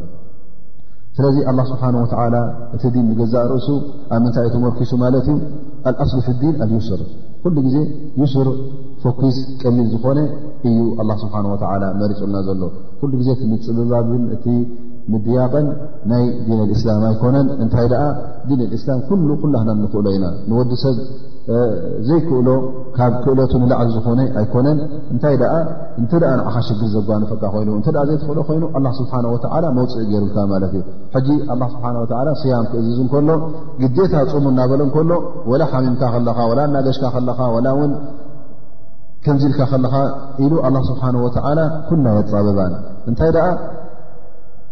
እቲ ዝኽእል ክፀውም እቲ ሓሚሙ ዘሎ እቲ ጌሹ ዘሎ ምስ ተመለሰ ክፀውም እቲ ፈፂሙ ሓሚሙ ድማ ንኽፍወስ ተስፋ ዘይብሉ ወይ ከዓ እቲ ትረቦ ኣሪጉ እውን ድሕሪ እርጋን እውን ብንእሰይ ኣይትምለስን እያ ወይ ከዓ ንእሽተይ ኣይትምለስን ኢኻ ስለዚ ንሞት ርኣያ ተሪፋካ ዘላ ማለት እዩ እሱ እውን ግዴታ ክፀውም ኣለዎ ይበለን እንታይ ደኣ ብእጣዓም ጌይርኩም በቲ ምስኪን ንምዕንጋል ብኡ ጌይርካ ክትዓፅኹም ትኽእል መገዲ ከፊትልካ ማለት እዩ ፍላ ስብሓን ወተዓላ እቲ ጉዳይ ክእዝዝ እንከሎ ኩሉ ግዜ ኣየዳየቆን ኣየፅውዎን እዩ ብዛዕባ ናይ ስያም ድማ ገያሻይ ተጾመዶ ሓይሽ እንተዘይጾመ ተጾመዶ ሓይሽ እንተዘይጾመ እንተ ረኣና እነቢ ስለ ላሁ ለ ወሰለም ሓደ ግዜ ንغዝወት ፈትሒ ንመካ ገጾም እናኸዱ ከለዉ ፈት መካ ክወርዋ ወይ ከዓ ንመካ ክኸፍትዋ ማለት እዩ እናኸዱ ከለዉ ኣብ ረመዳን እዩ ነይሩ ሕጂ ፍርቂ መገዲ ምስ በፅሑ ጾሞም ነይሮም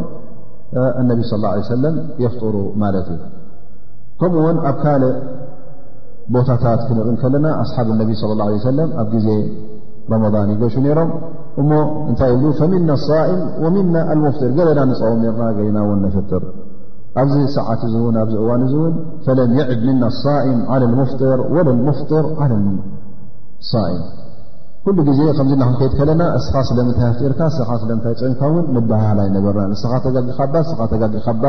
ዝበሃል ኣይነበረናን ይብሉ እዚ ሕጂ እንታይ እዩ ዘርእየና ዘሎ ሓቲ ነቢ ስ ሰለም ገዛእ ርእሶም የፍጥሩ ነይሮም ኢልና ኣብ ካልእ መገሻ እተረእናዮም እውን ይፀሙ ነይሮም ሓደ ግዜ ነቢ ስ ሰለም ሓዲ ረዋ ኣደርዳ ኣደርዳ ዝተባሃለ ካብቶም ኣስሓብ ነቢ ስ ሰለም ዘመሓላለፉ ሓዲ ማለት እዩ ይብል ሓደ ግዜ ምስ ነቢ ስ ሰለም ኣብ ወርሒ ሮሞዳን ፀሓይ ብርትዕቲ እንከላ ኣብ ግዜ ሓጋይ ንወፅእ ይብሉ ማለት እዩ ሓታ እነ ኣሓደና ለየضዑ የደሁ ዓላ ራእሲ ምን ሽደት ሓር ብጣዕሚ ኣዝዩ ዋዒ ስለ ዝነበረ ፀሓይ ብርትዕቲ ስለ ዝነበረት ሓሓደ ፀሓይ ትሕመካ ከላ ታይ ትገብር ሉ ግዜ እዛ ርእስኻ ጫዕ ሰበለታ ነዛ መንበስብስትኻ ኢኻ ትሕዝ ስለዚ ክሳዕ ከምዚ ንበፅሕ ነርና ኢሎም መገሻ ክገሹ ከለዉ ፀሓይ ትረቦ ምስ ወቃዕትና ኩላና ኢድና ኣብ ርእስና ኢና ንንብር ነርና ይብል ኣብደርዳ ምን ሽደት ሓር ወማ ፊና ሳኢሙን ኢላ ረሱሉ ላ صለ ላه ለ ወሰለም ዓብዱላ ብን ረዋሓ ካብ ኩላህና ክልተ ሰብ ጥራይ ምፅሞም ይብል ሓደኦም ነቢ ስለ ላ ሰለም ካልኣይ ድማ ዓብዱላ ብን ረዋሓ ዝተባህለ እዚ ሕጂ ብርቱዕ ዋዕ እንከሎ እነቢ ስ ሰለም ፅሞም ማለት እዩ ስለዚ ገለ ዕለማ ይብሉ ኣላ ስብሓን ወተዓላ ካብ ኣፍቀደልካስ ስለምንታይ ትፀውም ፈልኣፍል እቲ ዝበለፀ ይብሉ ኣልኣክዝ ብሩክሳ በታ ኣላ ስብሓን ወላ ሂቡካ ዘሎ ፍቓድ ብኣ ቀጥ ኣቢልካ ሓዝ ምኽንያቱ ክልተ ኣጅሪ ክትረክብ ኢኻ እታ ቀዳመይቲ ነገር እታ ሩክሳ ኣላ ስብሓን ወላ ዝሃበካ ንዓ ስለ ዝሓዝካ ሓንቲ ኣጅሪ እታ ስያም ድማ ክትረኽባ ኢኻ ፅባሕ ምስ ተመለስካ ክትፀውም ኢኻ ስለዚ ኣጅሪ ናይ ስያምን ኣጅሪ ናይታ ተዋህበትካ ፍቓድ እሽልካ ምቕባልካ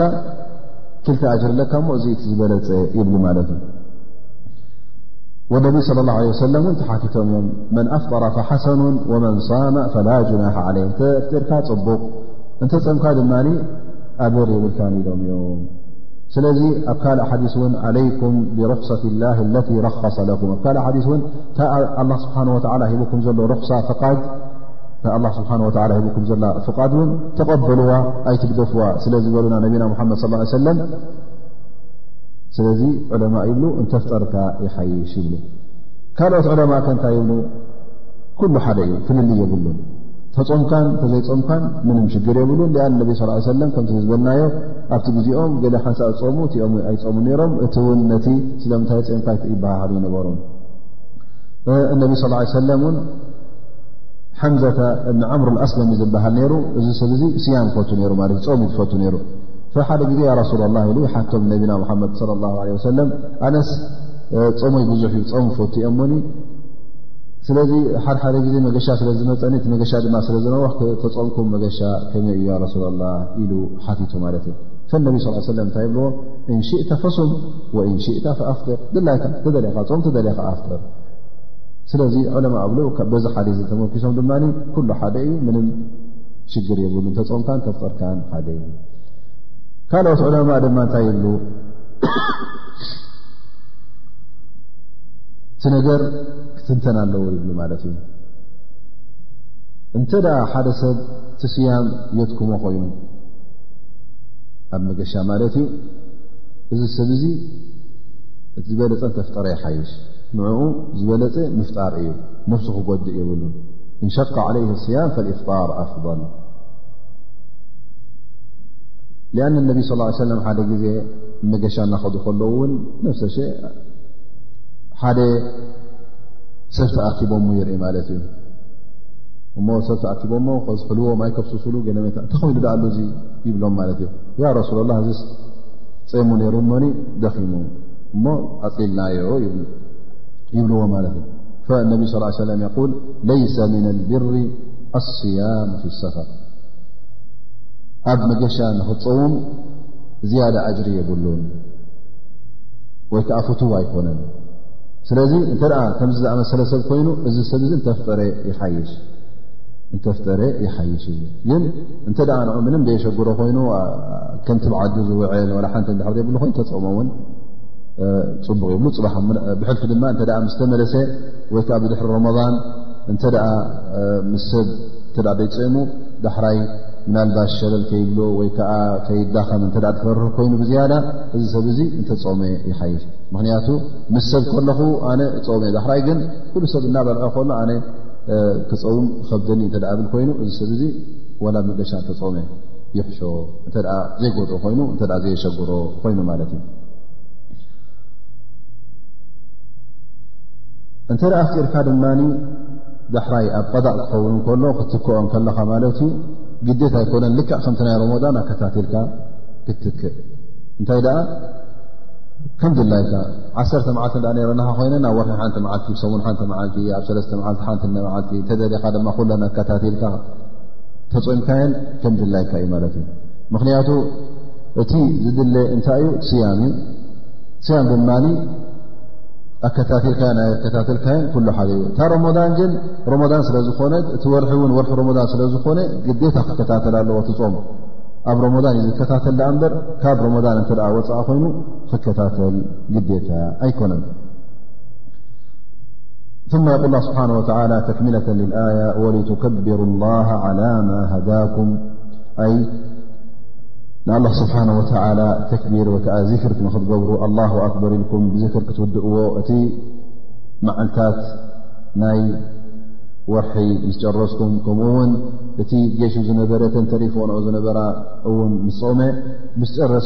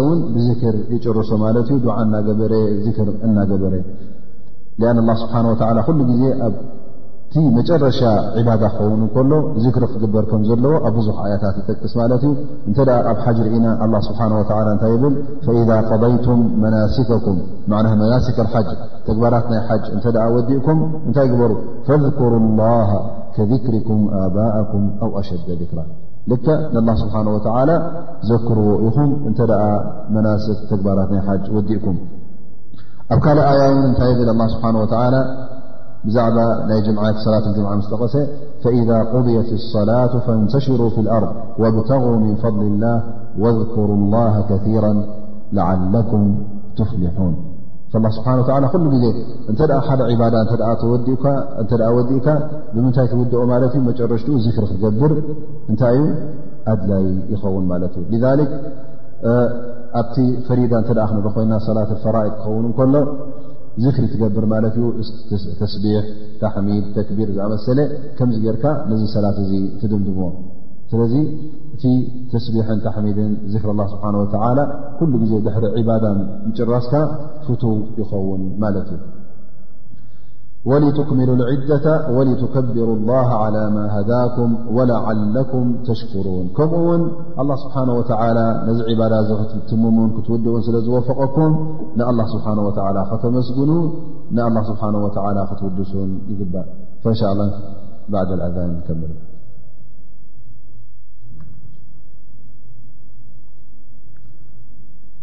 ثم يقول الله سبحانه وتعالى وإذا سألك عبادي عني فإني قريب أجيب دعوة الداع إذا دعان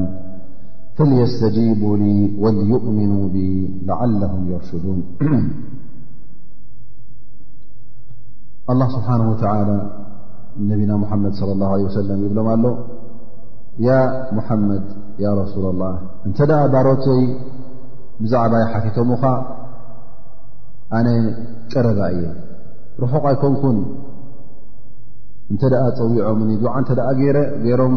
ኣነ ቀረባ እየ ክምልሰሎም እየ ድዓኦም ክቕበሎ እየ ወኢዛ ሰኣለካ ዕባዲ ዓኒ ፈእኒ ቐሪብ ርሑቕ ኣይኮንኩን ቀረባ እየ ዘለኹ ኡጂቡ ዳዕወት ኣዳዒ ፃውዒት ፀዋዓይ ጥርዓን ጥራዓይ ድዓ ናይቲ ድዓ ዝገብር ሰብ እሰምዖ እየ እምልሰሉ እየ እውን እቕበሎ እየ እወ ፈልየስተጂቡ ሊ ንዓይ ይመእዘዙ ኣነ ዝኣዘዝክዎም ቀጢሎም ይሓዝዎም ወልዩእሚኑ ቢ ላዓለሁም የርሽዱን ብኣይ እውን ይእመኑ ኣነ ሓደ ጎይትኦም ከም ምዃነይ ኣነ ብጀካይ ካልእ ጎይታ ከምዘየለ ይእመኑ ቀጢሎም ነቲ ኣነ ዝኣዘዝክዎም ይመእዘዙ ላዓለሁም የርሽዱን ምእንቲ መገዲ ሓቂ ሒዞም ክጓዓዙ መገዲ ረሻድ መገዲ ህዳያ ኣብኡ ምእንቲ ሒዞም ክኸዱ ንዓይ ብኣይ ይእመኑ ንዓይ ይስምዑ ሓደ ግዜ ይብ ኣስሓብ ነቢ صለ ላه ለ ወሰለም ይብሉ ሓደ ግዜ ምስ ነቢ ስ ሰለም እና ኸድና ከለና ይብሉ ገለ ጎቦ ክንድይብ ከለና ወይ ከዓ ክንወርድ ከለና ተክቢር ንገብር ነርና ይብሉ ክብር ከለና ድማ ዓው ኢልና ኣላ ኣክበር ኣላ ኣክበር ናበና ዝክር ንገብር ርና ይብሎ ፈነቢ ስ ሰለም መፅኡ ይብሎም ፈደና ምና ማለት ቅርብ ኢሉ ይብለና ያ ኣዩሃ ናስ ኣንቱም ሰባት ይብሎም ማለት እዩ እርበዑ ዓላ ኣንፍሲኩም ነብስኹም ኣይተትኩምዋ ነብስኹም ቅሩብ ረሓምዋ ፈእነኩም ላ ተድዑነ ኣሰመን ወላ ጋኢበን ዓው ኢልኩም ዓው ኢልኩም ዝክሪ ትገብሩ ዘለኹም ነብስኹም ኣይተጥኩምዋ ትፅውዑ ዘለኹም ትዝክሪ ትገብርሉ ዘለኹም ፀማም ኣይኮነን ርሑቕ እውን ኣይኮነን ሕቡእ ኣይኮነን ማለት ኣብ ርሑቕ ቦታ የለን ወላ غኢበን እነማ ተድዑነ ሰሚዓ በሲራ ንስኹም እኮ ሰማዕን ረኣይን ኢኹም ትፅውዑ ዘለኹም ንኡ ኢኹም ዱዓ ትገብሩ ዘለኹም ንኡ ኢኹም ዚክሪ ትገብሩ ዘለኹም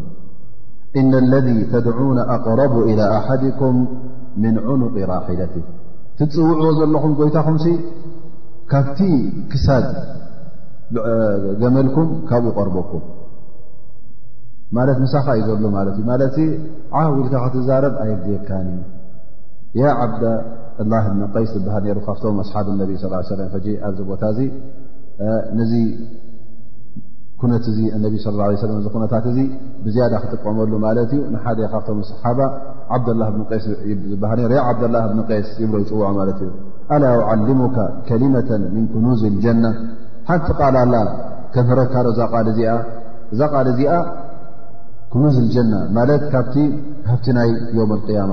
ከንዝ ማለት ቅሙጥ ማልሙጥ ገንዘብ ማለት እዩ እሞ ብዙሕ ገንዘብ ተቐመጠ ማለት እዩ ከምኡ ዶ ክበካ ሓንቲ ቃል ትኾነካ ናይ ጀና ጠቕመካ ኢሎም እነቢ ስ ሰለም ነዚ ሰብ እዚ ብሽሙ ቆርሕዎ ማለት እዩ ስዑ ላ ሓውላ ወላ ቁወተ ኢላ ብላ እዛ ቃል እዚኣ ካብቲ ኩኑዝ ናይ ጀና ማለት እዩ ካብቲ ሃፍቲ ናይ ጀና እንተ እዛ ቃል እዚኣ ጌርካ ዝክሪ ትገብር ኮንካ ላ ሓውላ ወላ ቁወተ ኢላ ብላ ኢልካ ትደጋግማ እተ ኮይንካስ ኣብ ዮም ቅያማ ቅሙጥ ገንዘብ ኣለካ ማለት እዩ ስለዚ እዛ ሓዲስ እዚኣ ምዛ ኣያ እዚኣ ተቐራረበት እያ ማለት እዩ ሊኣን ኣላ ስብሓን ወተላ ቀረባ ምዃኑ ርሑቕ ከም ዘይኮነ በዛ ኣያ እዚኣ የረጋገፅ ኣሎ ወነቢ ስ ላ ሰለም እውን ነዞም ኣስሓቦም ነቶም ብፆቶም እውን ነጊሮሞም እዮም እቲ ትፅውዕዎን ትጥርዕሉን እቲ ጎይታኹምሲ ቀረባ እዩ ርሑቕ ኣይኮነን እሞኒ ክትፅዕዎ ከለኹም ዝግልኩም ዝኣ ፅውዕዎ ዓውልኩም ኒዮ ድርሓቕ ኣይኮነን ክሰምዓኩም ይኽእል እዩ ይርኤኩም ኣሎ እንታይ ደልዩን እንታይ ትጠልቡን ከም ዘለኹም ኣላ ስብሓን ወተዓላ ኣብ ቀረባኹም እዩ ዘሎ ይብል ላ ስብሓን ወተዓላ ኣብዛ ኣያ እዚኣ ሕጂ ዱዓ ኹም እቕበለልኩም እየ ዱዓ እንተ ገርኩም ሲ ዱዓ ቀበል እየ ኢሉና እሞ ምናልባሽ ይብል ሓደ ያ ኸዓ ክንደ ሻዕ ዱዓ ገብር እሞ ክንደይ ዱዓ ዶ ዘይተቐበለለይ ዱዓ ኣሎ ኢሉ ምናልባሽ ሸክ ወይ ከዓ እታ ጉዳይ ከመያ ኢሉ ክሓትት ይኽእል ማለት እዩ ምክንያቱ ኩላና ዱዓ ንገብር ኢና ኩላና ድማ ኣብ ኣዱንያ ንሪኦ ኢና እቲ መልሲ ናይ ዱዓና ኣላ ስብሓን ወተላ ፈእኒ ቀሪብ ጂቡ ዳዕወት ኣዳዓ ኢሉና እዩ ድዓኹም ቅበለልኩም እየ ኢሉና ኣ ስብሓ ላ እሞ ከመይ ዳኣ እንተኮይና ደይቅበለልና ኢሉ እውን ክሓተት ይኽእል ማለት እዩ እዚ ሕቶ እዚ ብዙሕ ዓይነት መልሲ ኣለዎ ቀዳማይ ነገር ከምቲ ዝሓለፈ ደርሲ ዝበልናዮ ዱዓ ክትገብር ከለኻ ኣላ ስብሓን ወተላ ድዓኻ ክቕበል እንተደኣ ኮይኑ ተቐባልነት ክትረክብ እንተ ኮይንካ እስኻ ነዚ ዱዓ ዚ ክትገብር ከለኻ እቲ ሽሩጥ እቲ ረቋሒታት ወይ ከዓ እቲ ቅድሚ ኩነት ኣማሊእካየዶ የማልእካዮ ሓደ ካብቲ ቅድሚ ኩነት እንታይ ኢልና ነርና ሓደ ሰብ ዝበልዖ ርዝቅን ዝሰትዮ ርዝቅን ሴት ካብ ምንታይ ክኸውን ኣለዎ ካብ ሓላል ስውነቱን ጉልበቱን ዝባኑን ብሓራም ዝዓበየ ብሓራም ዝጎልበተ ክኸውን የብሉን ክዳውንቱ ካብ ሓራም ዝመፀ ክኸውን የብሉን መስትኡ ካብ ሓራም ዝመፀ ክኸውን የብሉን እንተ ከምዚ ዘይኮነ ቀዳማይ ነገር እንተ እቲ ድዕዋ ናካ እቲ ድዓ ናካ ምቕባል ዘይረኸበ መጀመርያ ናብ ነብስኻ ተመለስ ኣነስ እንታይ ገይረ እየ ሃል ሓራም በላዓ ኣለኹ ጌጋታት ኣለኒ ዩ ኣብቲ ድዓ ይጋገ ኣለኹ ልካ ውን ሕተት ከምኡውን እዚ ድዓ ናካ ቁኑዕ ድዓ ድዩ ወይ ቁኑዕ ድዓ ኣይኮነን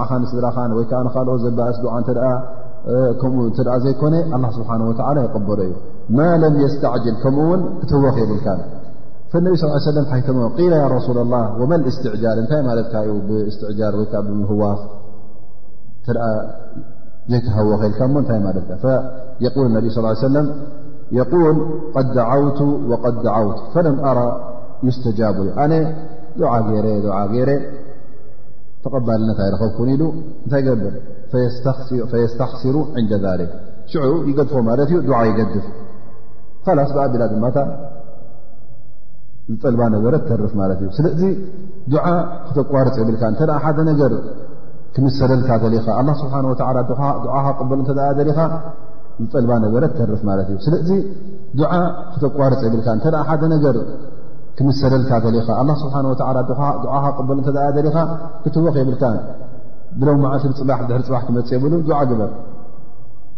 ኣላ ኣለም ድሕሪ ክንደ ዓመት ከም ዝቕበለልካ ግን ዱዓ ክትገብር ኣለካ ክትቅፅል ኣለካ ምክንያቱ እዚ ዱዓ እዚ ይብ ዕለማ ንገዛ ርእሱ ጥራይ ናልባሽ ስኻ እታ ትሪያ ዘለኻ እታ ዱዓ ናካ ኣብ ግብሪ ውዒላ ዶ ኣይወዓለትን እያ ግን እነቢ ስ ሰለም እንታይ ይብል የል ማ ምን ሙስሊሚን የድዑ ላ ዘ ወጀል ብዳዕወት ለይሰ ፊሃ እም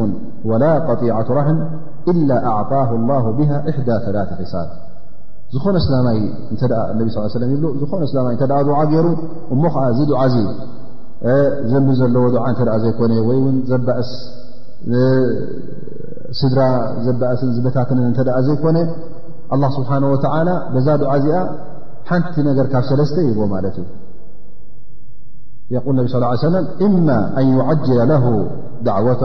ወይ እታ ዱዓ ዝገብራ ዘሎ ንዓኣ የስምረሉ ወእማ ኣን የደኪረሃ ለ ፊ ኣራ ወይ ከዓ እዛ ዱዓ ትገብራ ዘለኻ ተኣጅርናታ ናበይ ፀንሓካ ማለት እዩ ንዮም ያማ ፀንሓካ ማለት እዩ ዮም ኣራ ወእማ ኣን የስርፍ ዓንሁ ምን ኣሱኢ ምስሊሃ ኣው ኣላ ስብሓን ወተላ ድማ ካብ እከይ ነገር ከምታ ዱዓ ትገብራ ዘለኻ ሕጂ ሰናይ ነገር ጠልብ ዘለኻ ክንድኣ ትኸውን እከይ ነገር ካብኣ ይሕልወካ ማለት እዩ ካብኣ የገላግለካ እዚ ቃል እዚ ዝሰምዑ ኣስሓብ ነቢ ስ ሰለም እንታይ ይብሉ እዘ ንክር ያ ረሱላ ላ እሞ ከምዝኻ ኮነስ ድዓ ከነብዝሕ ኢና ይብሉ ማለት እዩ ሞንያ እዚ ድዓ ዝገበርካዮ ኮንቱ ከይድ የለን ማለት እዩ እንታይ ደኣ ወይ እታ ድዓኻ ትቕበላላ ወይ እውን ኣብ ዮም ቅያማ ትእከበልካላ ወይ እውን ሓደ እከይ ነገር ኣብ ቅድሚኻ ክጓነፈካ ተሓስብ ዝነበረ ኣላ ስብሓን ወተዓላ ነዚ እከይ ይርሕቐልካ ኣሎ ማለት እዩ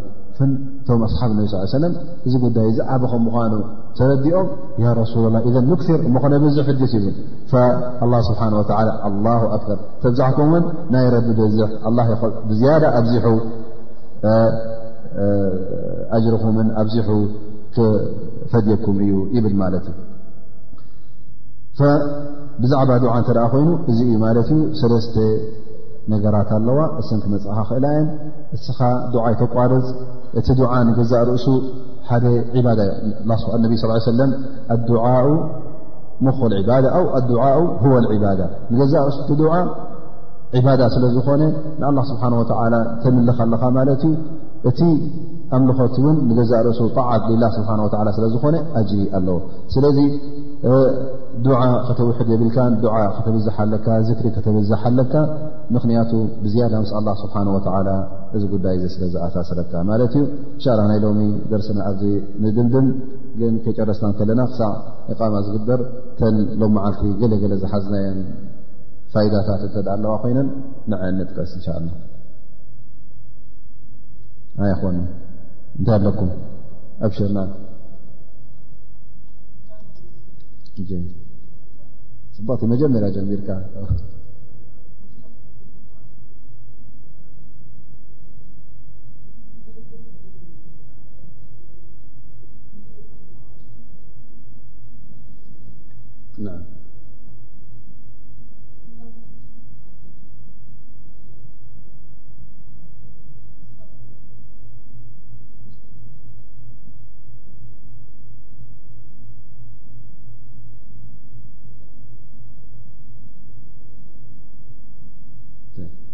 ፅቡቅ ቲ ኣ ኩልሓን ናይ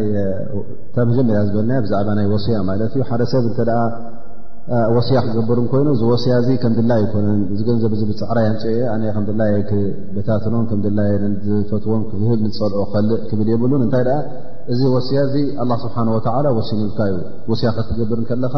እቲ ገንዘብ ክንምታይ ምኳኑ ትዋሰየሉ ነጊሩካ እዩ ንመንመን እውን ከምትህብ ነቲ ዝወር ሰብ ከምዘይትህብ ውን ትጠቂሱ ማለት እዩ ከምኡ ውን ተኣ ወስያ ክትገብር ከለካ ውን እቲ ንዓኻ ዝኾነካ ድሕሪ ሟትካ ክትርስዕ ይብልካ እ ኣጅሪ ትረኽበሉ ወስያ ክኸውን ኣሎ ከም መስጊድ ምስራሕ ዝኣብነት ወይ ከዓ ንመሳኪን ንኣይታም ዘኽታማት ንዕኦም ክትዕንግል ከለካ ብዝያዳ ኣጅሪ ትረኽበሉ ማለት እዩ እዚ ጉዳይ እዚእውን ኣይትረስዕ ን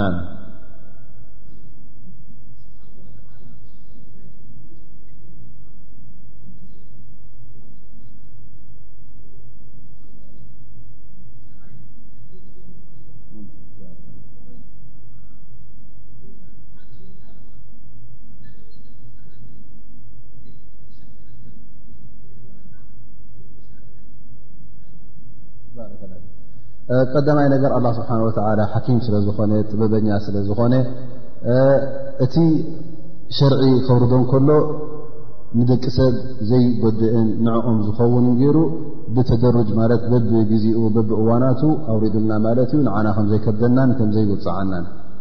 ኣብ ርእሲኡ እውን ኣላ ስብሓን ወተላ እቲ ሽሙን ገዛ ርእሱ ዓድል ፍትሐኛ ስለ ዝኾነ እቲ እሱ ዝገብሮ ጉዳይ ኩሉ ግዜ ፍትሓዊ እዩ ከምኡ ውን እቲ ናይ ሚራስ እንተዳርእናዮ ኣላ ስብሓን ወተላ ብፍትሓዊ ኣገባብ ገይሩ ኩሉን ነናቱ ሂብዎ እዩ መመሰሉ እውን ወሲዱ እዩ ማለት እዩ ከምቲ ኣላ ስብሓን ወተላ ዝወሰኖ ማለት እዩ ካብቲ ሎም መዓልቲ ሓዝናዮ ፋይዳታት ካብ ክቱብ ሰማውያት ኣላ ስብሓ ወላ ዘውረዶ ክታብቲ ኣብ ወርሒ ረመን ከም ዝነበረ ጥራይ ቁርን ኣይኮነን እንታይ ደኣ ፅሑፍ ሙሳ ተውራት እንጂል እዞም ኩሎም ኣብ ረመን ከም ዝወረዱ ሎም መዓልቲ እዚኣ ፋይዳ ሒዝና ይብል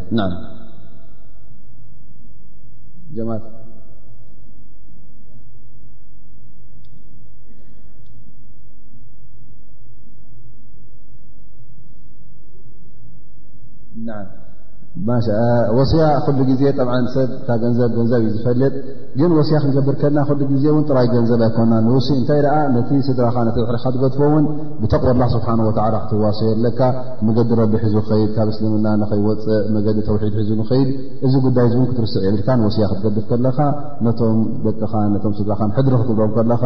ደቂ ሕድርኹም ክትብሎም ከለኻ በቲ ዲኖምን በቲ እምነቶምን ሕድሪ ግደፈሎም ጥራይ ብናይ ገንዘብ ኣይኹን ትሕድርኻ ን